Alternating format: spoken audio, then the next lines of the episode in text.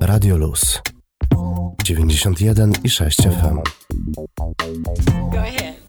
Dzień dobry, drogie słuchaczki, drodzy słuchacze, tu Michał Sołkowski. Startujemy w nowy tydzień z Radiem Luz. Zaczynamy poniedziałkowe Dzieje się. Dziś o trzecim etapie luzowania obostrzeń, otwartych pod rygorem sanitarnym salonach fryzjerskich i kosmetycznych oraz restauracjach, no i przede wszystkim zwiększenia liczby osób mogących jeździć MPK. Będą też naukowe wątki. Co się dzieje w głowie człowieka w czasie urazu, jakie zmiany zachodzą w mózgu w trakcie uderzenia czy upadku. Mateusz Rabiega rozmawia z doktorem Mariuszem Ptakiem z Politechniki Wrocławskiej, kierownikiem projektu badań i współtwórcą specjalnej opaski, która bada procesy zachodzące w naszej głowie. Od innej strony do rozumienia ludzkich zachowań wziął się agent FBI Robin Drake, autor książki Jak czytać ludzi. Anna Geryn porozmawiała z byłym szefem Wydziału Analizy Behawioralnej. Co druga osoba myśli, czy można jej zaufać, czy można z nią pracować, żyć, jechać na wakacje, przewidzieć jak zachowa się w podbramkowej sytuacji. Kusząca rzecz. No i miłośnicy sportu też dzisiaj u nas mogą się nasycić. Śląsk Wrocław ma piłkarską ekipę z męskiej ekstraklasy, ma ekipę blind footballu oraz e-sportową drużynę, a teraz stawia na kobiecy futbol. Pod jego szyldem będzie występować żeńska ekipa KS AZS Wrocław, ośmiokrotne mistrzynie Polski, siedmiokrotne uczestniczki Ligi Mistrzyń. Futbol kobiecy od kuchni poznacie dziś dzięki Gabie Grabowskiej, która sama amatorsko piłkę kopie,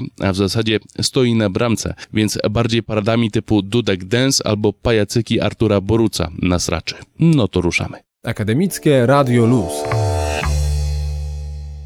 Będzie mniej pustych przebiegów wrocławskiego MPK. Dzisiaj wszedł w życie kolejny etap luzowania obostrzeń. W autobusach i tramwajach będzie mogło jeździć więcej pasażerów, do 30% wszystkich miejsc siedzących i stojących. Jednak nadal co drugie miejsce siedzące musi pozostać wolne. I tak na przykład tramwajem jednowagonowym będzie mogło podróżować 70 osób, dwuwagonowym około 40 osób na wagon. Z kolei w autobusie przegubowym około 50 osób. Na każdym pojeździe będzie widniała informacja ilu podróżnych może zabrać on na pokład. Zwiększenie limitów to dla nas bardzo dobra wiadomość, zakłada Krzysztof Balawejder, prezes wrocławskiego MPK. W ślad za klasykiem chciałoby się zawołać jest, jest, jest. Prośby i apele wrocławskiego MPK i innych przewoźników zostały wysłuchane. Rząd zmienił przepisy, wprowadzając nowe, lepsze, bardziej realne limity, dzięki którym więcej naszych pasażerów będzie mogło podróżować środkami komunikacji miejskiej. Dziękuję rządowi za wysłuchanie naszych próśb, a wszystkim pasażerów raz jeszcze przepraszamy za niedogodności ostatnich dni i od momentu wprowadzenia tych rozwiązań zapraszamy na pokłady naszych tramwajów i autobusów. Pandemia mocno drenuje budżet wrocławskiego MPK, bo z komunikacji miejskiej korzystało w czasie restrykcji niewielu pasażerów. Dość powiedzieć, że do początku maja podróżni złożyli ponad 38 tysięcy wniosków o zwrot lub zawieszenie biletów czasowych. Miejmy nadzieję, że zwiększenie limitów stopniowo odwróci ten trend. Co więcej, obostrzenia są łagodniejsze nie tylko dla MPK. Mogą działać zakłady fryzjerskie i kosmetyczne, ale w specjalnym rygorze sanitarnym. Z ograniczoną liczbą osób w środku i ze stałą dezynfekcją stolików ruszyły też restauracje, bary i kawiarnie. Korzystajcie z tego wszystkiego, ale z głową. Koronawirus nie minął jak ręką odjął. Jest. I musimy nauczyć się funkcjonować w tych specjalnych warunkach. 91 i 6 FM. Hej, z tej strony Mateusz Rabiega. Dzisiaj porozmawiamy o nauce. Umysł człowieka to materia zagmatwana. Oprócz skomplikowanych emocji i tajemniczych procesów, niepewnością napawają także rzeczy, które dzieją się w naszym mózgu, gdy głowa wystawiona jest na wstrząsy i uderzenia. Naukowcy z Politechniki Wrocławskiej zaprojektowali opaskę, która pomaga w badaniach nad odczytywaniem zjawisk zachodzących w naszym mózgu podczas doznawania urazu. Kierownik projektu dr habilitowany inżynier Mariusz Ptak opowiada również o innych parametrach odczytywanych przez specjalną opaskę. Rejestrujemy dużo parametrów dzięki tej opasce, którą zrobiliśmy dzięki projektowi EHEAD. Między innymi są to przyspieszenia na głowie człowieka, jest to natlenienie potu. To również, co najważniejsze, to jest sygnał z elektroencefalografu, czyli tak naprawdę napięcie elektryczne kory mózgowej, że dzięki elektrodom przymocowanym na głowie człowieka właśnie rejestrujemy, co dzieje się z mózgiem człowieka, albo co może dziać się z mózgiem człowieka podczas uderzenia. Opaska jest próbą rozszerzenia istniejącej już wersji. Wynalazek jest rozwijany w ramach większego projektu o nazwie AHEAD. Został on wyróżniony w konkursie Student Wynalazca w 2019 roku. Jak mówi autor projektu, opaska jest rozbudowywana, aby odpowiedzieć na ważne pytania dotyczące naszego mózgu. Klasyczną częścią tej opaski, czyli to, co już mamy w gruncie rzeczy i co było już lata temu, no to jest opaska, gdzie mamy umieszczone sensory przyspieszenia liniowego i kątowego oraz żyroskopy odpowiedniej jakości. Wartością dodaną do tej opaski jest właśnie to, że mamy elektrody EEG, które rejestrują sygnał, sygnał elektryczny z kory mózgowej. Mamy też y, mamy też natlenienie właśnie krwi oraz czujnik temperatury, żeby te dane skorelować. Bo tak naprawdę nie znamy odpowiedzi na pytanie, co dzieje się z wszystkimi parametrami podczas uderzenia. Wiemy, co się dzieje z mózgiem minuty albo nawet godziny po uderzeniu, bo te, takie badania są robione już, już klinicznie, ale to, co się dzieje podczas uderzenia, no, na to pytanie staramy się właśnie tutaj odpowiedzieć. Nową ścieżkę projektu zaproponowali współpracujący z Politechniką neurochirurdzy dr Artur Kwiatkowski i dr Konrad Kubicki. Te badania są e, tak naprawdę troszeczkę ewoluowały, bo naszym kluczowym celem projektu EHED jest właśnie budowa modeli numerycznych głowy człowieka, czyli modeli, które odzwierciedlają to, co się dzieje w głowie człowieka na ekranie komputera tak de facto. Naszym pierwotnym założeniem było to, że będziemy tylko mierzyć przyspieszenia, ale później ta opaska e, ewoluowała w stronę bardziej konkretnych zastosowań, takich bardziej klinicznych, bardziej medycznych. Chcieliśmy jeszcze coś więcej zarejestrować i hipoteza, która się pojawiła od naszych lekarzy, z którymi współpracujemy, było właśnie to, panowie, to spróbujcie zobaczyć, co się dzieje troszeczkę już bardziej w głąb ludzkiego mózgu, no i zarejestrujcie EEG. No i też to właśnie robimy dzisiaj. Ale żeby odzwierciedlić tak zwane warunki początkowe, czyli to wejście, żeby dostać te prawidłowe dane, nie z palca, że się tak wyrażę, tylko naprawdę od sportowców, musimy to jakoś zmierzyć. I opaska bazowo skierowana jest do osób, które są narażone na duże przyspieszenia przy upadku. Taką grupą docelową są bokserzy, są osoby aktywnie uprawiające sport ekstremalny, narciarze, snowboardziści. Oczywiście nie chcemy nikogo zmuszać do, do tego, aby tą opaskę nosić podczas uderzenia, wręcz wymuszać tego, żeby to uderzenie nastąpiło. Opaskę noszą osoby, które na te, na te przyspieszenia są narażone. W badania włączył się klub futbolu amerykańskiego Panthers Wrocław, którego zawodnik i student PWR-u w jednej osobie, Mateusz Dymek, uczestniczy w pomiarach z opaską. Jak podkreśla dr Mariusz Ptak, okazji dołączenia do projektu nie brakuje. Jeżeli ktoś by był zainteresowany wzięciem udziału w tym projekcie, głównie nam chodzi o rozszerzenie właśnie wiedzy na temat urazów powiązanych właśnie z elektroencefalografią, zapraszamy do, do współpracy. Również prowadzimy dosyć ciekawe badania e, związane z e, testami eksperymentalnymi, bo to, że mamy mózgi zamodelowane na ekranie komputera to jest jedno, ale dwa, że musimy tą wiedzę jeszcze zweryfikować z eksperymentami rzeczywistymi, czyli przeprowadzać badania eksperymentalne. Oczywiście te badania nie są przeprowadzane na żywych ludziach, tylko na, na mózgach świńskich już dzisiaj, ale to też jest część bardzo istotnej pracy, bo musimy wiedzieć, że to, co robimy numerycznie, odpowiada rzeczywistości. Ręce do pracy na pewno się przydadzą. Jednak opaska to szansa nie tylko na lepsze pomiary medyczne u sportowców chcących lepiej poznać swoje możliwości i stan ciała. W przyszłości wynalazek może pomóc też innym osobom, dla których urazy głowy mogą być dużo groźniejsze. Dotykamy kompletnie nowej dziedziny biomechaniki obrażeń, jakim jest upadek małego dziecka na foteliku rowerowym lub też małych dzieci właśnie na placach zabaw. Jesteśmy pierwszą grupą badawczą, która takie dane opublikowała, związane właśnie z urazowością małych dzieci. To jest, to jest wynik tego, że ma, nasz projekt dotyka bardzo wielu branży jak jednak do noszenia specjalnej opaski przekonać niesforne dzieci lub osoby dbające o schludny i modny wygląd? Naukowcy przewidują, że rozwiązanie odnajdziemy w niedalekiej przyszłości, bo już nieraz urządzenia pomiarowe pokonywały barierę trendów. Pytanie, czy dziecko w ogóle cokolwiek chce nosić e, na głowie oprócz swoich włosów, też trzeba to dziecko do tego przekonać, ale gdyby ta opaska była zminiaturyzowana i też e, wbudowana, załóżmy, w czapkę z daszkiem i jeszcze ta czapka z daszkiem, załóżmy, by była systemem ochronnym, o czym już myśleliśmy nieraz, żeby taką czapkę z daszkiem po prostu zrobić, która by chroniła dziecko przy okazji, to czemu nie? Proszę zauważyć, jaki jest trend smartwatch. Parę lat temu mieliśmy tylko godzinę, datę i dzisiaj mamy pomiar funkcjonalny EKG, puls, temperatura ciała, to też jest coś, co kupujemy za 200 zł, więc można sobie wyobrazić, że taka opaska zminiaturyzowana może być częścią naszego ubioru, częścią naszego wyposażenia. Czy za 5 lat będziemy mogli zatem przeczytać o fit opasce na głowie, modnych czapkach pomiarowych w wersjach na wszystkie pory roku? Może tak, może nie. Na razie opaska nadal ma więcej z wynalazku aniżeli następnego krzyku mody. Trudno jednak znaleźć przykład trendu, który pomagałby na ból głowy i służył nauce. Na tym zakończymy nasze dzisiejsze audio spotkanie. Do usłyszenia, Mateusz Rabiega. Radio Luz. Włącz się na 91 i 6 FM. Ekstraliga dla Śląska Wrocław. Taka informacja pojawiła się w ostatnim tygodniu we wrocławskich mediach. Co to oznacza dla lokalnego sportu? Ano tyle, że WKS od dzisiaj posiada w swoich strukturach żeńską sekcję piłki nożnej. Można by przypuszczać, że Śląsk pisze historię na nowo, ale zgodnie z prawdą piłka nożna kobiet w naszym mieście ma już swoje ugruntowane tradycje, a opowie wam o nich Gabrysia Grabowska. Wzmianki o kobietach, które we Wrocławiu próbowały udowodnić, że piłka jest dla wszystkich, pojawiają się już w latach 50. poprzedniego wieku i do Idąc nieco dalej, pierwszy oficjalny mecz, w którym to Ślęza Wrocław stanęła naprzeciwko Korony Kraków, odbył się w 1957 roku. Samo wydarzenie ściągnęło na Stadion Olimpijski około 10 tysięcy kibiców. Przeliczając to na dzisiejszą publiczność, która zbiera się na Stadionie Wrocław w dniu meczowym Śląska, można by przypuszczać, że żeńska piłka cieszyła się niesamowitą popularnością. Prawda jest jednak taka, że kobiety grające w piłkę były dla publiki w dużej mierze ciekawostką. Lokalne gazety również wtórowały tak błahemu podejściu do wrocławskich piłkarek. Niejednokrotnie tytuły artykułów poświęconych kobiecym drużynom było napisane w sposób powierzchowny, a nieraz i prześmiewczy. Przez lata status kobiet nie tylko w piłce nożnej, ale i w szeroko rozumianym sporcie uległ znaczącej poprawie. We Wrocławiu zawodniczki nie próżnowały, a założona sekcja kobiet w 1997 roku była okazją do zaprezentowania ich możliwości na arenie ogólnopolskiej. Już w sezonie 98-99 KS AZS Wrocław osiągnął pierwszy sukces. Wtedy było to wicemistrzostwo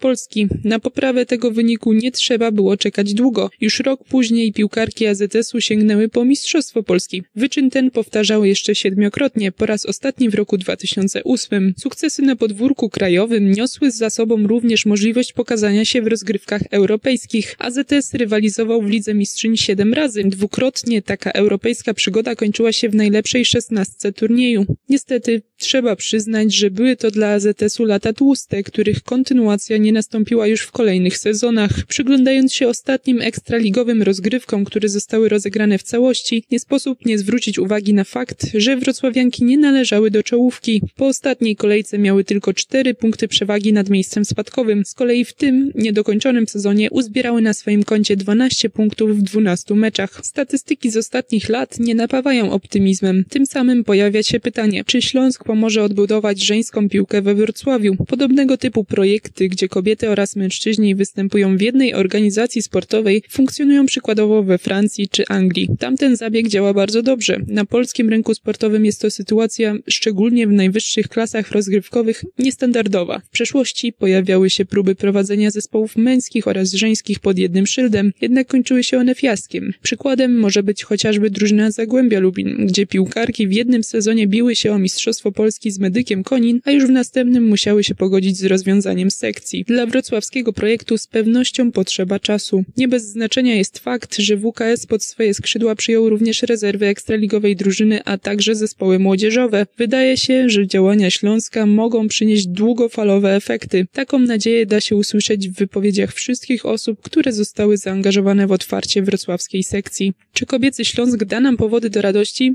Trudno tu o jednoznaczną odpowiedź. Prawdą jest jednak, że za dziewczyny, jak i za cały projekt trzeba trzymać kciuki. Być może będzie to dobry przykład dla pozostałych klubów w naszym kraju, pokazujący, że inwestycja w kobiecą piłkę może się opłacać.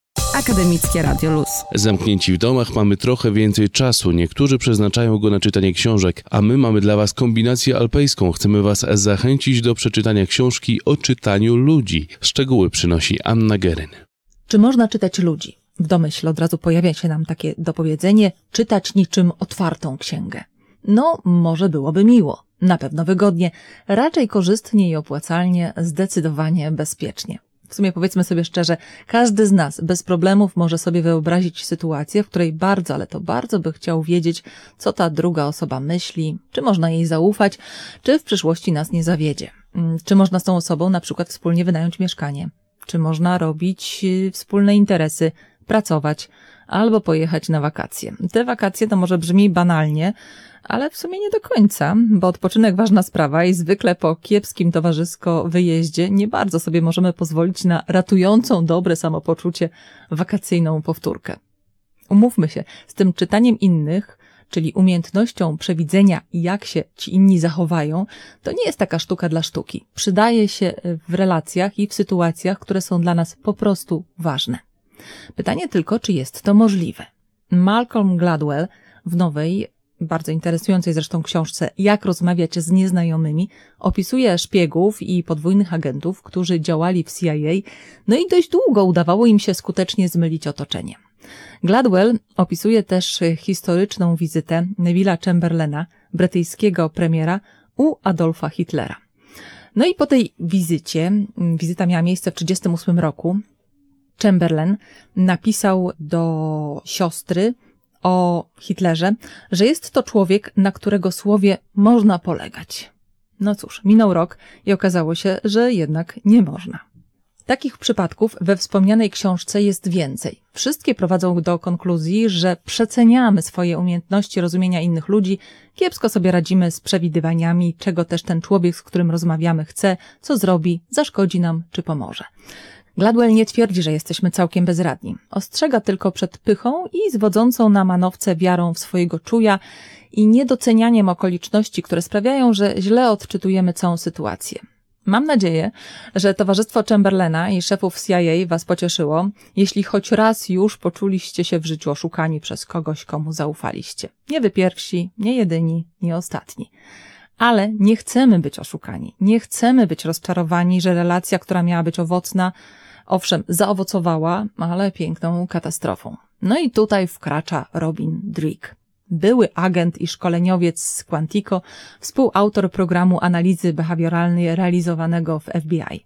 Słowem człowiek, w którego pracy jest naprawdę ważne, aby dobrze oszacować potencjalnego współpracownika, bo błąd może oznaczać e, ludzkie życie i kwestie naprawdę związane z bezpieczeństwem kraju. No i on mówi, da się, da się czytać innych. Drick napisał książkę Jak czytać ludzi, której dzieli się swoimi doświadczeniami agenta kontrwywiadu działającego głównie zresztą na linii Stany Zjednoczone-Rosja. Stąd leitmotivem jest e, rosyjskojęzyczne dawiriat, no proviriat, czyli ufaj, lecz sprawdzaj. I nie chodzi tutaj o obsesyjną kontrolę, tylko o sprawdzanie, czy na pewno dobrze rozumiem tego drugiego człowieka. To jest książka taka anegdotyczno-analityczna, czyli dla każdego coś miłego. Można po prostu poczytać o zadziwiająco żmudnej i czasami naprawdę mało seksownej pracy agentów, ale można też dostać materiał do przemyśleń na temat tego, jak zwiększyć swoją skuteczność w trafnym przewidywaniu ludzkich zachowań, na przykład zachowań swojego szefa. Niestety nie ma łatwych sposobów, nic na skróty. Potrzebna jest uważność, autorefleksja, szczerość, pokora i świadome analizowanie wysyłanych przez ludzi sygnałów i wypływających z nich przesłanek. Czy to książka dla raczej niecierpliwych i szybko żyjących dziś 20-30-latków? Autor przekonuje, że tak. Tak w rzeczywistości, jak i online, nawet jeśli żyjesz szybko, musisz umieć ocenić, z kim możesz bezpiecznie nawiązać relacje. Nieważne, czy jesteś młody, czy stary. Zdrowe relacje i zaufanie są podstawowym czynnikiem dla rozwoju, dla wszystkiego, co chcesz osiągnąć, czego chcesz dokonać.